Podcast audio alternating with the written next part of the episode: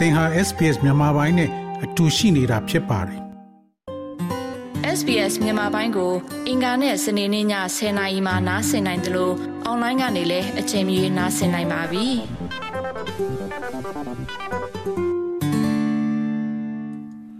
။လူနဲ့ညူရက်ခေါ်တရုတ်နှစ်သက်ကူးသည်နှစ်ဟောင်းကိုနှုတ်ဆက်ပြီးနှစ်သက်ကိုကြိုးစားရမယ့်အချိန်ဖြစ်ပါတယ်။ မြောက်ကဘာချမ်းရှိနွေရာသီမှာရောက်ရှိလာတဲ့မိသားစုများနဲ့အတူတကွစုယုံရအချိန်လည်းဖြစ်ပါတယ်။ထို့ကြောင့်၎င်းကိုຫນွေဦးပွဲတော်လို့လည်းခေါ်ဆိုပါတယ်။တရုတ်လူမျိုးများသည်အနေရောင်အလှဆင်မှုများနှင့်ဖိုင်ချွန်ဟုခေါ်သောအနေရောင်ဆက်ကူဘော်တွေရေးထားသောနှုတ်ခွန်းဆက်စကားများဖြင့်ပွဲတော်ကို အမှတ်သားပြုကြပါတယ်။မိရှုမိဒများပြစ်လွတ်ခြင်းငကားနှင့်ခြင်းသေးအကာများဖြင့် တီးခတ်ခြင်းအထူးသဖြင့်နတ်ဆိုးများကို မောင်းထုတ်ခြင်းအထိမ်းမှဖြင့်ဘုံတီးခြင်းများပြုလုပ်ကြပါတယ်။တရုတ်နှစ်သက်ကူဟုလဲလူသိများသော လူနဲ့ညူရသည်ဩစတြေးလျယဉ်ကျေးမှုရဲ့အမြင့်တွင်နေသော အစိတ်အပိုင်းတစ်ခုဖြစ်ပါတယ်။ဥပမာအဖြစ်ဆင်နီရဲ့ version သည်အာရှပြင်ပတွင်၎င်းအမျိုးအစားရဲ့အကြီးဆုံးသော အခမ်းအနားတစ်ခုဖြစ်တယ်လို့ဆိုပါတယ်။2023ခုနှစ် ဇန်နဝါရီလ22ရက်နေ့တွင်လူနာညူးရနှစ်သက်ကူးနေ့ကျင်းပပါတယ်။နှစ်သက်ကူးပွဲတော်အတွက်အချက်၄ချက်ရှိပါတယ်။သူတို့ဟာတပတ်လျင် Little Year အောင်မေပွဲနေ့ဆူတောင်းပွဲနေ့နှစ်သက်ကူးအချို့ပြန်လည်ဆုံစည်းရနေ့လက်ဆောင်ပေးသည့်နေ့ဖြင့်စတင်ကြပါတယ်။ New South Wales တက္ကသိုလ်မှတရုတ်နဲ့အာရှလိလာရေးဆိုင်ရာအကြီးတန်းကတိကဒေါက်တာပန်ဝန်က ငွေဦးပွဲတော်သည်မိဘုံပွဲတော်အထိ15ရက်ကြာမြင့်အောင်ကျင်းပတဲ့အကြောင်းရှင်းပြပါတယ်။လူနာညူရသည်လာပြက်ကလေးနှင့်အစဖြစ်ပါတယ်။လာရဲ့လဲပတ်မှုအပေါ်အခြေခံပြီးတရုတ်နှစ်သက်ကူသုံးမှုငွေဦးပွဲတော်ဟုလည်းခေါ်နိုင်ပါတယ်လို့သူမကပြောဆိုပါတယ်။တရုတ်နဲ့ကိုရီးယား၊ဗီယက်နမ်၊ဂျပန်တို့လိုအရှေ့တောင်အာရှနိုင်ငံတွေမှာလည်းကျင်းပတာပါဟုဒေါက်တာဝမ်ကရှင်းပြပါတယ်။ မလေးရှားနဲ့မွန်ဂိုလီးယားတို့တွင်ကျင်းပလေရှိပြီးကမ္ဘာတဝန်းရှိလူအများစုကြားတွင်ကျင်းပလေရှိပါတယ်။ဇီယသို့မဟုတ်ရှန်မင်းဆက်မှစတင်ပြီးနှစ်ပေါင်း4000အထိတမိုင်းကြောင်ရှိခဲ့ကြောင်းဒေါက်တာဝမ်ကထပ်လောင်းပြောဆိုပါတယ်။ဒေါက်တာကေဇန်သည် Canberra Australia National University ယဉ်ကျေးမှုသမိုင်းနှင့်ဘာသာစကားကျောင်းတွင် ခေတ်သစ်တရုတ်ဘာသာစကား program နဲ့အတူလှုပ်ဆောင်နေသူဖြစ်ပါတယ်။ဩစတြေးလျတွင်နှစ်သစ်ကူးပွဲတော်များသည့်တရုတ်နှင့်အရှေ့တောင်အာရှနှင့်အရှေ့အာရှယဉ်ကျေးမှုများအကြောင်းခြေခြေပြန့်ပြန့်လေ့လာရန်ကဘာတဝမ်းမှလူများအတွက်အခွင့်အလမ်းကောင်းတစ်ခုဖြစ်ကြောင်းသူကပြောဆိုပါတယ်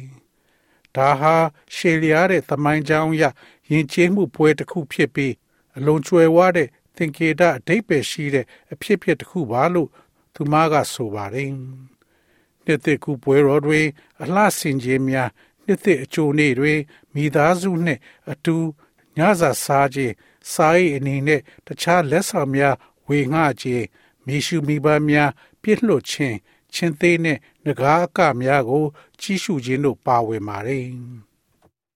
လူနာညူရဲ့အစားအသောက်တွေထွဲမှာငါးများကိုစားခြင်းဖက်ထုတ် မိသားစုတွေနဲ့တငယ်ချင်းတွေနဲ့ဆုံစည်းခြင်းအပြင်ကျင်းပပါတယ်ဟုဒေါက်တာဝင်းကရှင်းပြပါတယ်။အနေရောင်ကိုကံကောင်းစေတဲ့အရာလို့သတ်မှတ်ပါတယ်။ဒါကြောင့်အနေရောင်အလှစင်တာတွေအများကြီးတွေ့နေရပေမဲ့နှစ်သက်ကိုဂုံပြုဖို့နဲ့သူတို့ရဲ့ကြီးထွားမှုကိုဂုံပြုတဲ့အနေနဲ့ကလေးတွေကိုအနေရောင်စာအိတ်တွေပေးဖို့တရုတ်ရိုးရာဓလေ့တစ်ခုလည်းဖြစ်ပါတယ်။ Iris Tang သည်တရုတ်နိုင်ငံတွင်ကြီးပြင်းခဲ့ပြီးလွန်ခဲ့တဲ့အနှစ်20ကဩစတြေးလျကိုပြောင်းရွှေ့ခဲ့သူဖြစ်ပါတယ်။ဩစတြေးလျနဲ့တရုတ်ပြည်မကြီးတွင်ကျင်းပတဲ့ပွဲများကြားအထူးကခွာခြားချက်မှာသူမရဲ့မွေးရမြေ၌လူနာနှစ်သက်ကူပွဲများနှင့်တိုက်ဆိုင်ရန်ရှေလျားသောအစိုးရအားလရဲ့ဖြစ်ပါတယ်။မိသားစုနဲ့ပြန်လည်ဆုံစည်းရန်အတွက်သားနဲ့ချီသော တရုတ်နိုင်ငံရှိပြည်သူတို့ဟာ၎င်းတို့ရဲ့မွေးရမြေတို့ခရီးသွားတဲ့အချိန်နဲ့ဖြစ်တယ်လို့သူမကပြောဆိုပါတယ်။တန်ရဲ့အဆိုအရဩစတြေးလျတွင်နှစ်သက်ကူပွဲတော်များတွင် အစားအသောက်တွေတရုတ်နိုင်ငံတွင် ရှိသလိုမျိုးပါပဲလို့ပြောဆိုပါတယ်။ကိုရေးကိုတာအားဖြင့်အစားအသောက်တွေအများကြီးပြင်ဆင်ပြီးကင်မရာမှာမိသားစုနဲ့တငယ်ချင်းတွေနဲ့ချင်ပပါတယ်ကျမတို့လှုပ်ပုံက စပွဲဝိုင်းမှာထိုင်ပြီးနှစ်သက်ကူအချိုးမှာယာနဲ့ချီတဲ့ဖက်ထုတ်တွေကိုလှုပ်တယ်ကျမတို့ထမင်းတနတ်ထက်ပိုတန်ဖိုးရှိတော့နှစ်သက်ကူပွဲမှာနောက်စားဖို့အတွက်ရေခဲတစ်တာထဲမှာအေးခဲထားလို့ရပါတယ်မြန်မာခေတ် တရုတ်နိုင်ငံတွင် Georgian calendar ကိုအသုံးပြုတော်လဲတရုတ်ရိုးရာပြက်ကလေးကိုတရုတ်တွင်သားမကနိုင်ငံခြားရရှိတရုတ်လူမျိုးများကြားတွင် တွင်ကျဲစွာအသုံးပြုလျက်ရှိပြီးတရုတ်နှစ်သစ်ကူမိဘုံပွဲတော်နှင့်ကွေမင်းပွဲတော်ကဲ့သို့ရိုးရာအားလရက်များကိုသတ်မှတ်ပေးပါတယ်။မင်္ဂလာပွဲအသုဘပွဲပြောင်းရွှေ့ခြင်းသို့မဟုတ်စီးပွားရေးလုပ်ငန်းစရန်လူတို့အသုံးပြုသော မင်္ဂလာရက်မြတ်များကို ရွေးချယ်ရန်အတွက်တစ်နှစ်အတွင်းတရုတ်ရိုးရာအမည်ပေးပုံစနစ်ကို ပေးဆောင်တယ်လို့ဒေါက်တာပန်ဝမ်ကရှင်းပြပါတယ်။တရုတ်ရိုးရာပြက်ကလေးသည်လာနေအောင်ချီကိုလိုက်တာဖြစ်ပါတယ်။၎င်းသည်လာနဲ့နေရဲ့ရွှေလျားမှုပေါ်တွင် ဖြစ်ပေါ်လာသောကြောင့်၎င်းသည်လာရဲ့ကဘာပတ်လမ်းကြောင်းနှင့်နေကိုပတ်ထားသောကဘာပတ်လမ်းကြောင်းနှစ်ခုလုံးကိုထည့်သွင်းစဉ်းစားထားတာပါ ဒီပြက်ကလေးမှာလာခွေမှလာပြည့်အထိအဆင့်ဆင့်ပြောင်းလဲလာသောလာရဲ့ပုံသဏ္ဍာန်ကိုသတ်မှတ်ပါတယ်ထို့ကြောင့်လာပြက်ကလေးအများစုတွင် လာများသည့်29ရက်သို့မဟုတ်30ရက်ကြာမြင့်ပြီးနှစ်ရက်အစကိုဆိုလရဲ့နေအောင်ကြည့်နှစ်ဟုဆုံးဖြတ်ပါတယ်လို့ဒေါက်တာဝိုင်းကပြောဆိုပါတယ်တရုတ်ရိုးရာပြက်ကလေးမျိုးမျိုးကို အရှိအာရှတခွင်လုံးတွင် အသုံးပြုကြပါတယ် နှစ်စဉ်နှစ်တိုင်းနှစ်သစ်ကူးနေ့တွေ January လသို့မဟုတ် February လတွင်ကြားရောက်နိုင်ပါတယ်။ရိုးရာနှစ်သစ်ကူးပွဲတော်များသည်လူနာနှစ်သစ်ကူးအချိုလမှ15ရက်နေ့တွင်ကျင်းပသည့်မိဘုံပွဲတော်ထိစုစုပေါင်းနှစ်ပတ်ခန့်ကြာမြင့်ကြောင်းဒေါက်တာကေဇိုင်းကရှင်းပြပါတယ်။မိဘုံပွဲတော်သည်တရုတ်ပြက်ကလေးရပထမ15ရက်နှစ်တိုက်ဆိုင်ပါတယ်။မိဘုံပွဲတော်လို့ခေါ်တဲ့ ဒီ delay ရှိတာကြောင့်မိသားစုတွေကကလေးတွေအတွက်မိဘုံလေးတွေလုတ်ပေးကြပြီးအိမ်အပြင်မှာမိဘုံတွေထွန်းညှိကြတာပါလို့သူမကပြောဆိုပါတယ်။တန်မင်းစေရဲ့သမိုင်းကြောင်းကို ပြန်ကြည့်နိုင်တဲ့တော့အဲ့ဒီနေ့မှာအချီးစားပွဲတွေကိုကျင်းပကြပါတယ်။ဒေါက်တာခရစ်စမစ်သည် Melbourne တက္ကသိုလ်ရှိ Asia Institute ရှိတရုတ်ဘာသာပြန် လေးလာရေးတွေ အကြီးအကဲကတိကဖြစ်ပါတယ်။သူသည်တိုင်ဝမ်နှင့်ကိုရီးယားတွင်နှစ်အနည်းငယ်ကြာနေထိုင်ခဲ့ပြီးနေရာနှစ်ခုစလုံးတွင်နှစ်သက်ကူပွဲများနှင့်ပတ်သက်လို့အမှတ်တရများစွာရှိနေပါတယ်။တောင်ကိုရီးယားတွင်နှစ်သက်ကူနေ့သည်ဘိုးပင်များကိုယိုသေးရမယ့်အချိန်ဖြစ်ပြီးတခြားယဉ်ကျေးမှုများကိုလည်းမျှဝေပေးတဲ့အချိန်ဖြစ်တယ်လို့ဒေါက်တာစမစ်ကပြောဆိုပါတယ်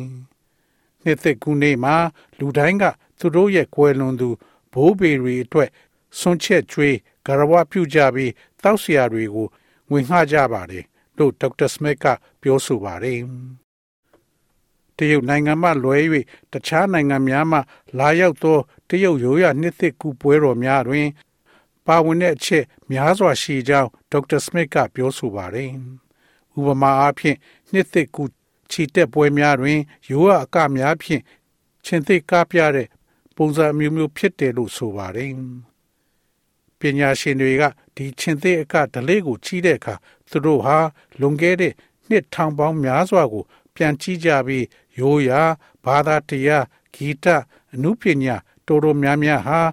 တရုတ်ပြည်ကို အခုအနောက်နိုင်ငံဒါမှမဟုတ်အလဲပိုင်းလို့ခေါ်ဝေါ်ကြတဲ့ယဉ်ကျေးမှုတွေက ရောက်ရှိလာတာကိုဟိုရင်ကလေးက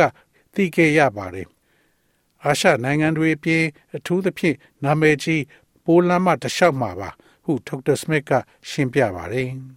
။အီတလီသည်တရုတ်နိုင်ငံပြင်ပတွင်၎င်းရဲ့မမြင့်တချို့ရှိနိုင်ပါတယ်။ဘာသာစကားနှင့်သမိုင်းဆိုင်ရာခွဲခြားစိတ်ဖြာမှုပေါ်အခြေခံပြီးလူအများပြားက၎င်းကိုပါရှင်ရိုးရာဒလိများနှင့်ချိတ်ဆက်ခဲ့ကြပါသည်2023ခုနှစ်သည် တရုတ်နှစ်သစ်ကူနေ့မှစတင်ပြီး2024ခုနှစ် February လ10ရက်နေ့အထိယုံနှစ်ဖြစ်ပါတယ်။သို့သောဗီယက်နမ်တွင်ဤဒီမှာယုံအစားကြောင်ရဲ့လနှစ်သက်ကူဖြစ်ပါတယ်။တရုတ်ရွာသည်နှစ်လေလာဇန်နှစ်တွင်စတင်ပြီးကုံဆုံးပါတယ်။နှစ်စဉ်တိုင်း၁၂ရက်ထက်ခါတလေလေရာသီခွန်တန်တရား၌၎ င်းရဲ့ကိုပိုင်ဂုံသတင်းများနဲ့အတူတူးချင်းစီရာသီခွင်ကိုထိษံများဖြင့်ကိုစားပြုထားပါတယ်။ယုံသည်ရာသီခွင်ရဲ့စတုထမြောက်ဖြစ်ပါတယ်။ထို့ကြောင့်၎င်းတို့သည်ကျွဲ့နွားကြားယုံငကားမွေမြင်းစိတ်မြောက်ချက်ဖခွေးဝက်တို့ဖြစ်ပါတယ်။သောရရှိမြခင်ဗျာ SBS သတင်းဌာနကရေးသားထားတဲ့ဆောင်းပါးကို ဘာသာပြန်တင်ဆက်ပေးထားတာဖြစ်ပါတယ်ခင်ဗျာ SBS Radio App ကို download လုပ်ပြီးနားဆင်မှတ်ချက်ပြုနိုင်ပါတယ်။ဒါရိုက်သို့မဟုတ်အချိန်မြေးနားဆင်နိုင်ပါပြီ။စစ်တမ်းမှာပါဝင်နိုင်သလိုဆက်သွယ်မှုလည်းပြုလုပ်နိုင်ပါတယ်။ Google Play ဒါမှမဟုတ် App Store မှာအခမဲ့ရယူနိုင်ပါပြီ။